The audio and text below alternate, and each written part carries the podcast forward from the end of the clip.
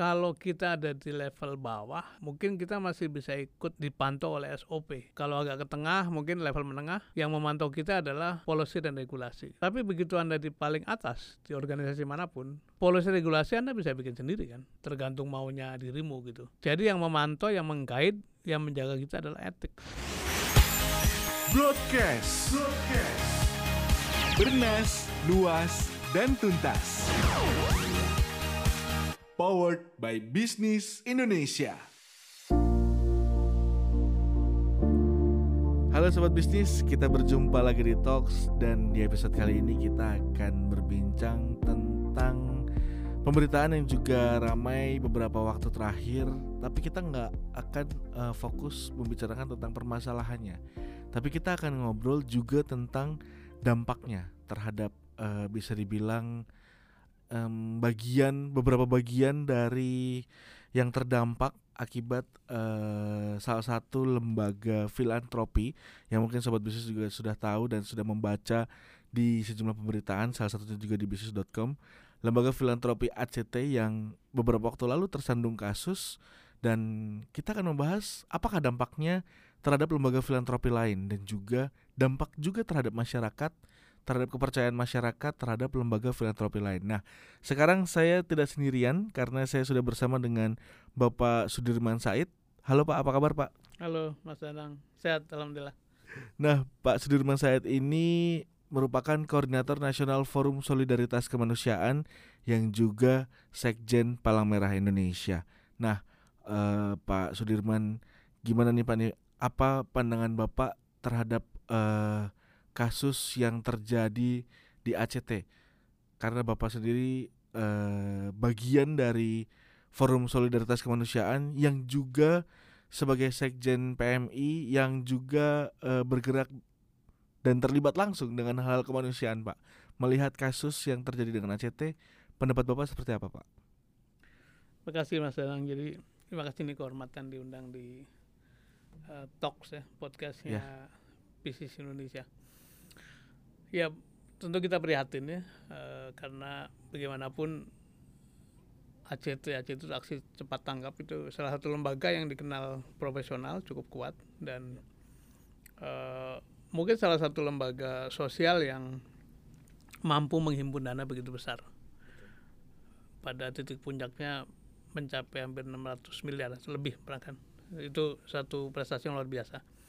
Dan begitupun di lapangan memang banyak sekali warga yang appreciate memberikan uh, dermanya lewat lembaga ini bahkan perusahaan-perusahaan uh, besar BUMN jadi melihat situasi yang terakhir itu kita prihatin karena itu berkaitan sama credibility dari lembaga dan kita berharap saya katakan di media beberapa waktu lalu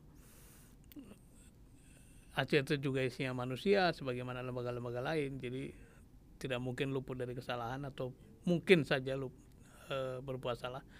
Nah, sebaiknya yang salah itu yang diambil, e, yang disisikan kemudian karena saya yakin di dalam ACT masih banyak orang yang baik yang punya idealisme, punya dedikasi untuk melayani urusan-urusan kemanusiaan. Jadi kita prihatin tapi mudah-mudahan ini bisa jadi pelajaran bagi lembaga-lembaga filantropis bahwa betapa rentannya soal betapa kritikalnya soal public trust, kepercayaan publik. Karena lembaga-lembaga semacam itu termasuk kami di Palang Merah bisa tegak kalau publik mempercayai kita gitu. Dan kita berharap segera dipulihkan, pemerintah tidak gegabah dengan berpikir membubarkan tapi lebih baik masalahnya di slice, dipotong kemudian diselesaikan masalahnya. Nah, kalau pandangan Pak Sudirman saya sendiri nih, seberapa besar sih Pak kebutuhan lembaga filantropi ini di masyarakat Pak mengingat sejauh ini uh, lembaga-lembaga filantropi lain itu mampu menyelesaikan sejumlah persoalan-persoalan yang bisa dibilang cukup kompleks, cukup yeah. butuh dana yang besar, jadi solusi juga gitu Pak. Betul. Ini kebetulan saja saya baru dua dua pekan lalu kembali dari eh, Jenewa ya, menghadiri satu eh, global conference, satu General Assembly di bidang kepalang merahan dan uh, ada tiga isu besar kemanusiaan ke depan yang akan berdampak pada urusan-urusan sosial ya. Satu eh, mereka menyebutnya 3C. Satu COVID. COVID ini walaupun eh, sudah mulai reda tapi belum dianggap sebagai sesuatu yang hilang sama sekali. Masih ada kemungkinan-kemungkinan lain. Yang kedua C kedua adalah eh, climate change. Ini kaitannya dengan climate dengan perubahan iklim.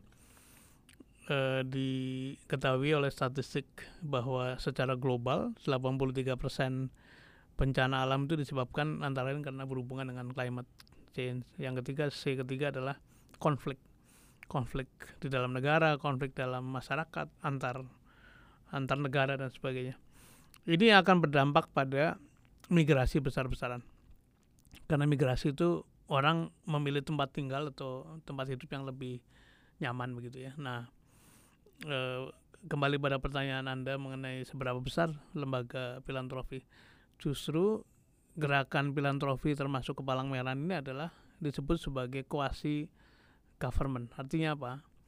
Mereka lah yang pertama kali ada di lapangan ketika terjadi masalah-masalah kemanusiaan. Ada bencana, ada banjir, ada Setuju. konflik itu. Mm-mm. Mengapa? Karena pemerintah memang punya prosedur kan. Jadi tidak Ya. mungkin dengan spontan turun. Dia Ya. harus menyiapkan budget, harus menyiapkan surat tugas segala betul. macam gitu. Jadi kalau ditanya pentingnya bahkan tanpa cerita bencana tadi pun sangat diperlukan sebagai pelengkap dari eh, apa yang dikerjakan oleh otoritas atau negara. Itu yang pertama. Yang kedua kan katanya satu negara itu tegak karena tiga pilar. Satu pilar publik atau pemerintah ya eksekutif, legislatif, yudikatif. Yang kedua adalah pilar korporasi atau dunia usaha. Yang ketiga adalah civil society. Ini menjadi penyeimbang, ini menjadi pelengkap, ini menjadi jembatan antara keduanya. Jadi sudah pasti semakin maju satu bangsa, satu negara, lembaga-lembaga filantropis semakin dibutuhkan. Dan buktinya adalah ketika ACT berdiri dan juga lembaga-lembaga lain, sambutan masyarakat Cukup baik. sangat bagus ya. Iya. Eh, itu itu eh, menurut saya lembaga semacam ini mesti dijaga, diselamatkan, bahkan dikembangkan untuk eh, kebutuhan masyarakat. Setuju pak. Tapi mungkin ke depannya eh, transparansi untuk pengelolaan dana dan juga keuangan itu harus lebih ditingkatkan lagi dan dijaga lagi ya pak ya. Menurut bapak sendiri sebaiknya dan mungkin kita sebagai publik itu bagaimana sih pak caranya untuk ikut mengawal agar supaya ke depannya lembaga-lembaga filantropi ini transparansinya kita pun tahu gitu seperti apa eh, berapa besar yang harus eh, dipotong atau dan lain sebagainya Iya. gitu bagaimana pak? Nah itu eh, kalau saya boleh kembali pada tiga pilar itu, eh, memang kerentanan itu ada di lembaga-lembaga sosial. Kenapa? Karena kalau lembaga negara atau pemerintah itu kan ada prosedur APBN, APBD, ada audit, ada inspektorat, ada DPR, DPRD gitu lepas dari segala macam mutu pengawasan. Tapi prosedur itu ada dan eh, ada ada garisan-garisan atau tata cara yang ketat. Gitu. Begitupun di korporasi. Di dunia usaha itu kan ada RUPS, ada audit, ada eh, komisaris, sampai pada audit independen. Eh, di filantropi memang ada, tapi tidak seketat di pemerintahan dan di eh, bisnis.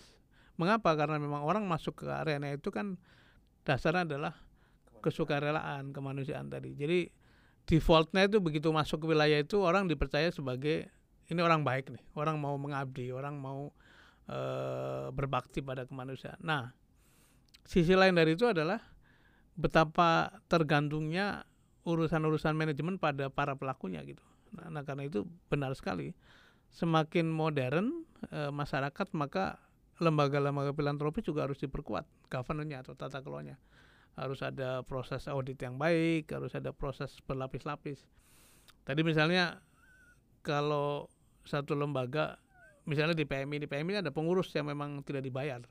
Ini pem- pemegang kekuasaan tertinggi.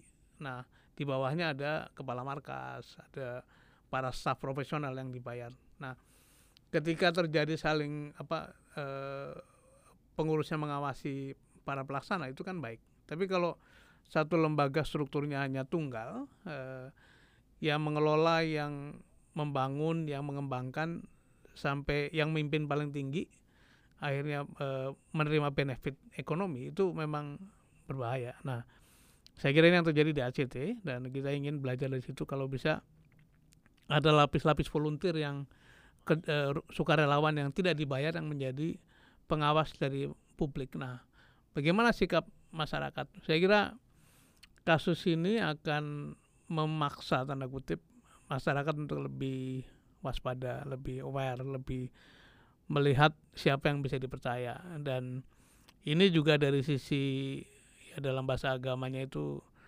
fasabil khairat ya berlomba-lomba dalam kebaikan itu akan baik karena pasti lembaga-lembaga yang ada akan terus berlomba untuk menata uh, accountability-nya gitu. Nah, uh, tentu ini jadi pelajaran ya Pak ya untuk hmm. lembaga filantropi lain juga agar supaya nggak keulang juga dengan lembaga lain. Mungkin apa yang mungkin harus dilakukan oleh para pengelola ataupun lembaga-lembaga ya. filantropi ya. lain yang yeah. juga bergerak di hal yang sama atau mungkin uh, kita sebagai publik juga melihat apa yang terjadi di ACT kemudian uh, meskipun kasusnya masih bergulir apakah bagaimana nih Pak nih cara mengembalikannya juga trust publik kembali gitu karena kan pasti sedikit demi sedikit agak berkurang gitu Pak terhadap lembaga filantropi? Saya yakin teman-teman yang masih terus bergerak di sana itu punya komitmen yang tinggi ya untuk me menjaga accountability segala macam. Jadi kalau kembali pada model yang sederhana lah, namanya good governance atau tata kelola yang baik itu kan dimulai dari transparansi, eh, mesti terbuka pada publik, accountability, setiap tindakan itu bisa dipertanggungjawabkan ya. Kemudian eh, responsibility ada ada suasana bahwa tidak mungkin dia melakukan apa-apa itu sendirian karena harus uh, ada check and balance sampai pada uh, fairness uh, seluruh tindakan itu masih didasari pada rasa adil. Uh, ini patut atau tidak? Cukup fair atau tidak gitu. Nah itu prinsip-prinsipnya. Nah implementasinya ya tadi mulai dari harus ada check and balance harus ada prosedur yang memungkinkan seseorang atau tidak memungkinkan seseorang mengambil keputusan dari ujung sampai ke ujung itu namanya pembagian tugas ada e, saling mengendalikan saling mengecek dan sebagainya jadi fungsi-fungsi manajerial mesti dihidupkan dari mulai e, pengawas pelaksana mungkin aja penasehat kalau dalam yayasan tapi juga ada audit ada proses perencanaan sampai pada proses pertanggungjawaban. Saya yakin suasana sekarang bahkan sebelum kejadian sebenarnya sudah jauh lebih baik. Tapi itu mesti diingat sebagai hal-hal yang wajib dilakukan oleh para pengelola. Nah, masyarakat tentu saja punya pilihan untuk me mencari siapa yang paling kredibel, siapa yang paling transparan. Makanya sering dilakukan pengumuman kan di media kan, diterima berapa, dipakai berapa gitu. Tapi bagaimanapun media itu kan terbatas. Nah, saya selalu menyampaikan pada teman-teman di kampus itu kalau kita ada di level bawah, mungkin kita masih bisa ikut dipantau oleh SOP gitu ya. Kalau agak ke tengah, mungkin level menengah yang memantau kita adalah policy dan regulasi. Tapi begitu Anda di paling atas di organisasi mana pun, polisi regulasi Anda bisa bikin sendiri kan. Tergantung maunya dirimu gitu. Jadi yang memantau, yang menggait, yang menjaga kita adalah etik. Nah, yakinlah bahwa setiap orang setiap orang siapa pun yang masuk ke dalam area leadership kepemimpinan tertinggi dari lembaga semacam ini adalah diisi orang-orang yang etikanya tinggi. Kenapa? Karena tadi kalau soal aturan dan polisi SOP bisa bikin sesuai dengan yang dimau, tapi soal patut tidaknya tindakan dilakukan termasuk seberapa seberapa layak sih gaji yang harus kita terima gitu? Apakah patut kalau ongkos-ongkos pribadi itu dibebankan ke organisasi? Itu kan anu hati kan? Nah hati itu dikendalikan oleh etik. Jadi ketika kita ada dalam posisi paling tinggi maka yang menjadi pengendali kita tindakan kita adalah etika. Itu yang harus dimiliki secara penuh secara mutlak oleh para pemimpin di lembaga-lembaga filantropi. Oke. Nah, sejauh ini Pak ini sudah ada uh, regulasi dan aturan sendiri dari pemerintah ya dengan uh, Undang-Undang Nomor 9 Tahun 1961, terus juga ada Permensos Nomor 8 Tahun 2021. Tapi sejauh ini uh, responnya tuh kayak pemerintah kecolongan kayak gitu ya Pak ya. nah, apakah kira-kira nih kalau uh, pandangan Pak Sudirman sendiri nih sisi regulasi pasal-pasal yang ada ini apakah sudah yeah. sesuai dengan zaman sekarang Pak karena mengingat 1961 udah cukup usang nih Pak terus juga uh, mungkinkah ketika ini usang yang ada di dalam lembaga-lembaga itu mungkinkah bisa memanfaatkan di yeah. uh, situasi yang mungkin berbeda dari zaman dulu ke zaman sekarang ya Pak ya di luar aturan-aturan tadi pasti banyak yang menjaga termasuk norma pengumpulan dana barangkali dari Kemsos ya, ya. kemudian eh, soal-soal kalau di lembaga keuangan bagaimana ngaturnya? Itu pasti OJK punya aturan. Kalau dia ormas itu ada Kemendagri punya aturan. Jadi kembali persis seperti yang tadi saya jelaskan kalau berpikirnya legalistik you can just check ini komplain nggak taat apa nggak dengan aturan. Tapi ketika sampai pada kepatutan itu bisa-bisa aturannya nggak ada tuh. Misalnya dikatakan di sini kalau kita mengumpulkan zakat maka seperdelapan boleh kita ambil sebagai upah dari amil. Nah, kalau dikumpulin 100 miliar bagaimana gitu? Kan apakah tetap seperdelapan? Kemudian seperdelapan ternyata end up dengan eh besarannya gaji para pengelola kok lebih besar daripada eksekutif perusahaan-perusahaan uh, asing sekalipun misalnya gitu ya itu kan ukurannya bukan ukuran legalistik. Kalau legal sepanjang uh, aturannya ada bisa kita kerjakan. Jadi kembali uh, aturan diperlukan, tapi lebih dari sekedar peraturan, beyond regulation adalah uh, seberapa besar, seberapa kuat Anda menjunjung tinggi etika. Etika itu ukurannya kembali adalah kepantasan, kepatutan. Dan kepatutan itu soal kerentek dalam hati nih. Uh, ini kalau saya lakukan ini wajar apa enggak sih seperti itu dan uh, dengan segala respect pada kawan-kawan di berbagai lembaga filantropi itulah yang harus kita apa ya kita dengungan terus menerus apakah yang kita peroleh atau yang kita terima itu cukup memenuhi asas-asas kepatutan tadi. Nah, e, kalau kita sambung lagi nih Pak ini tentang asas kepatutan yang tadi Bapak sampaikan gitu ya Pak ya. Bicara soal besaran gaji terus juga e, biaya operasional dan lain sebagainya. Sejauh ini kalau menurut pandangan Pak Sudirman saya sendiri, apakah eh, gaji ataupun eh, biaya operasional yang sudah dipotong untuk eh, lembaga-lembaga filantropi ini, apakah eh, sesuai maksudnya ketika eh, potongan itu sudah ditetapkan pemerintah, mungkin itu regulasi dulu ya Pak ya. Dengan sekarang mungkin ketika inflasi dan lain sebagainya kita bicara soal kebutuhan-kebutuhan lain apakah itu sudah sesuai dengan sekian persen karena dari pemerintah e, mengusulkan tidak lebih dari sekian persen tapi mungkin dari yang didapatkan juga e, tadi nominal juga kita kalau bicara nominal apakah sekian persen dari 100 miliar itu juga e, yeah. akan seberapa besar gitu kan kan sebenarnya faktornya banyak ya Pak ya Betul. untuk untuk bicara soal biaya Se sebetulnya ini ini bukan monopoli kita di Indonesia ya e, tahun 90-an saya ingat ketika saya uh, belajar manajemen antara saya belajar manajemen di sektor sosial itu. Pernah ada satu skandal juga di Amerika bahwa para pengelola non profit organization itu memperoleh gaji yang berlebihan yang melampaui eksekutif swasta yang tanggung jawabnya begitu besar gitu. Itu juga jadi skandal sampai dibahas dalam di kongres segala macam. Nah di kita bagaimana? Di kita ini kan kasus ini akan men-trigger kewaspadaan ya awareness dari masyarakat. Saya ingin memberi contoh di PMI lah. Di PMI itu pengurus tidak mendapatkan gaji. Adalah tunjangan komunikasi eh, nggak nggak besar besar amat. Eh, honor saya sebagai sekjen itu mungkin hanya pas saja untuk bayar sopir sama sekretaris lah gitu. Kemudian kalau kita terbang ke mana pun eh, ekonomi mau sejauh apa pun kelas ekonomi. Nah kalau kebetulan misalnya kita ini eh, saya udah udah tua begini ya.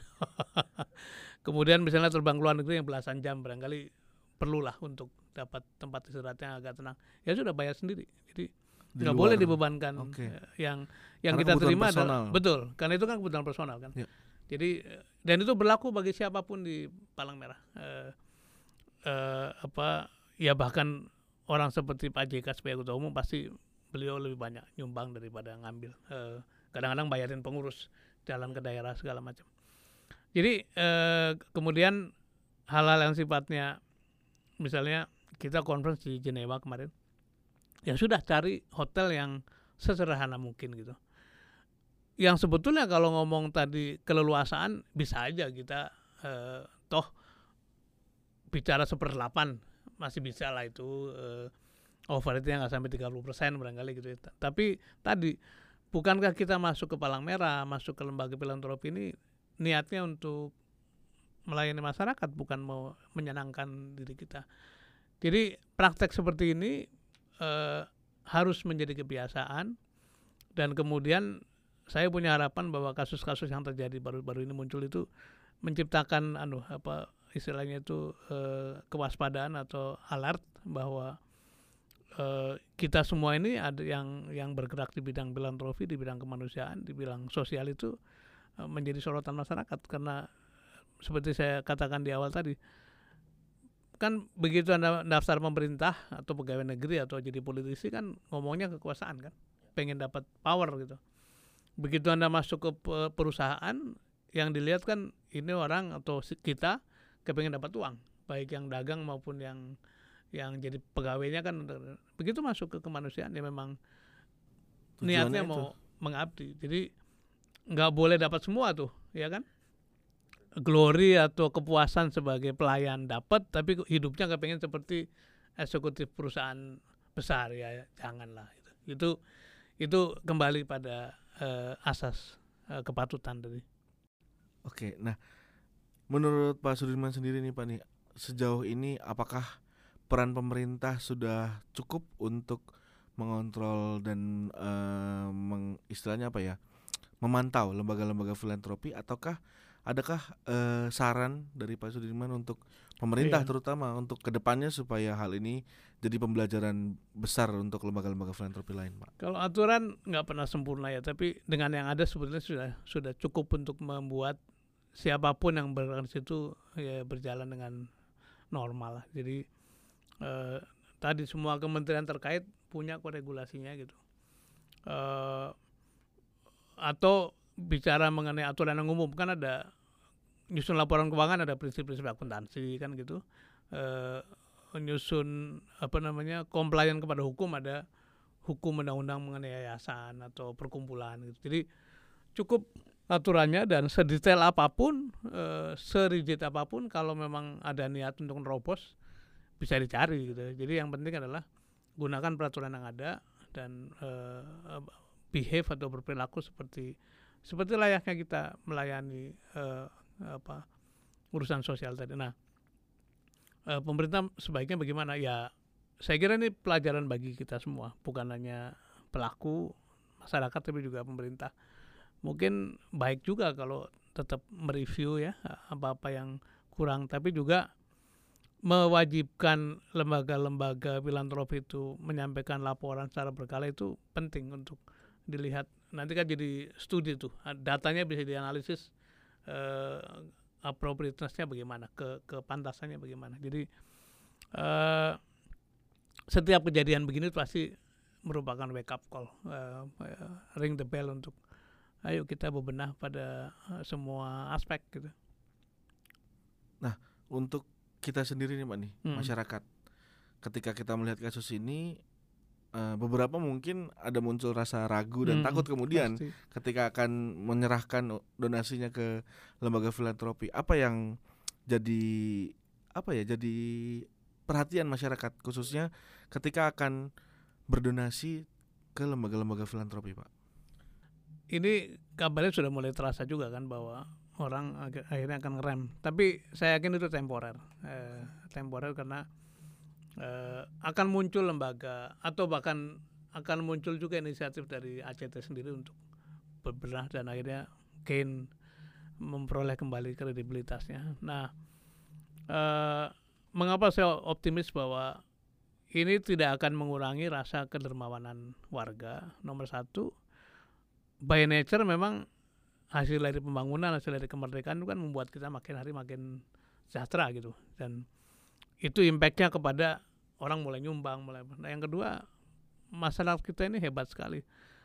Justru dalam keadaan sulit seperti COVID kemarin itu menunjukkan solidaritas yang luar biasa. Gitu. Kita melihat adegan-adegan yang sangat menyentuh ya orang eh, naruh sayur di pagarnya tetangga karena tetangganya nggak bisa keluar segala macam itu sesuatu yang diakui oleh oleh dunia. Bahkan World Giving In- Index memberikan predikat pada negara kita bangsa kita sebagai bangsa yang paling dermawan. Itu eh, bertengger di ranking atas selalu artinya apa? Kembali tidak akan menyurutkan niat masyarakat untuk menyumbang.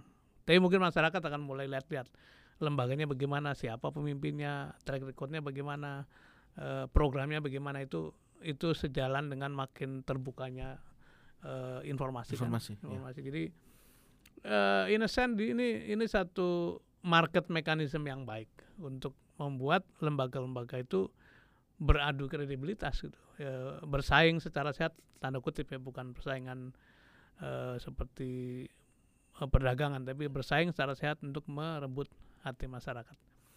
Jadi saya yakin akan segera pulih, kemudian eh, akan akan masyarakat akan punya banyak pilihan untuk eh, melakukan kontribusinya bagi urusan-urusan kemanusiaan.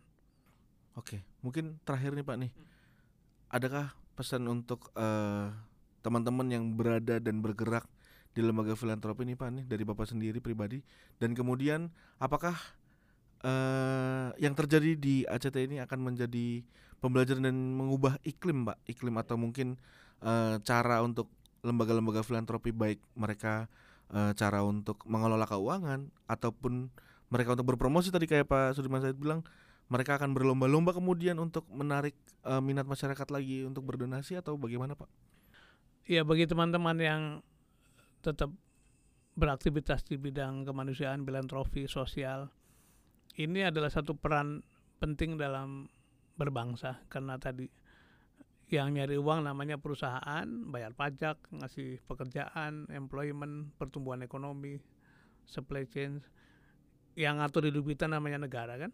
Eh, tapi yang mengisi keduanya yang membuat masyarakat itu makin solid, eh, masyarakat makin terbuka eh, pikiran-pikirannya, makin menuntut demokrasi, makin menuntut kesejahteraan itu masyarakat sipil, yaitu termasuk kegiatan filantropi. Jadi ini pilar yang tidak kalah penting dari pilar state dan pilarnya eh, korporasi atau ekonomi perusahaan.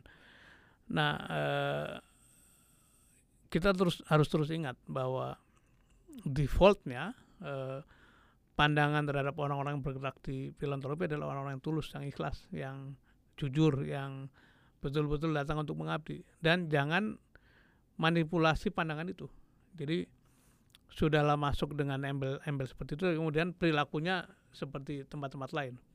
Misalnya politiking, berpolitik atau tadi eh, ngambil profit, ngambil benefit pribadi berlebihan. Saya ingin mengingatkan bahwa korupsi itu bukan soal urusan pemerintah. Korupsi itu definisi paling sederhananya adalah using public authority menggunakan kewenangan publik for personal benefit untuk benefit pribadi gitu. Masuk ke dalam yayasan, masuk ke dalam PMI, masuk ke dalam ACT, masuk ke dalam dompet duafa atau lembaga sosial lainnya itu sebetulnya Anda sedang menggunakan public trust, kewenangan publik tuh.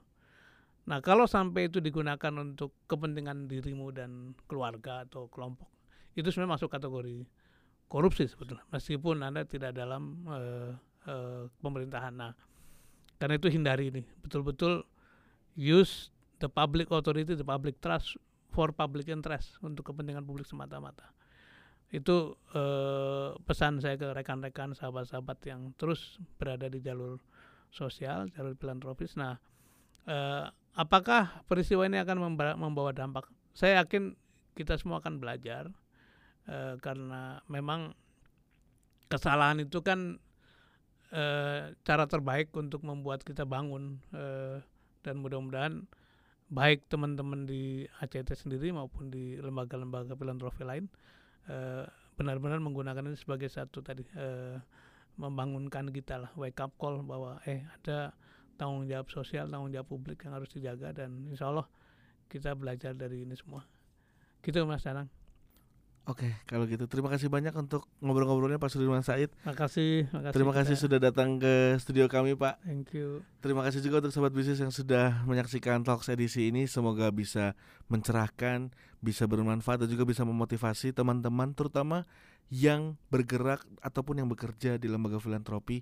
Semoga bisa uh, memotivasi teman-teman dan juga bisa lebih baik lagi ya Pak ya ke Ya. depannya. sukses untuk talks ya Terima kasih terima Pak. kasih Terima kasih banyak Pak. Terima kasih juga untuk sobat bisnis. Sampai jumpa di episode berikutnya.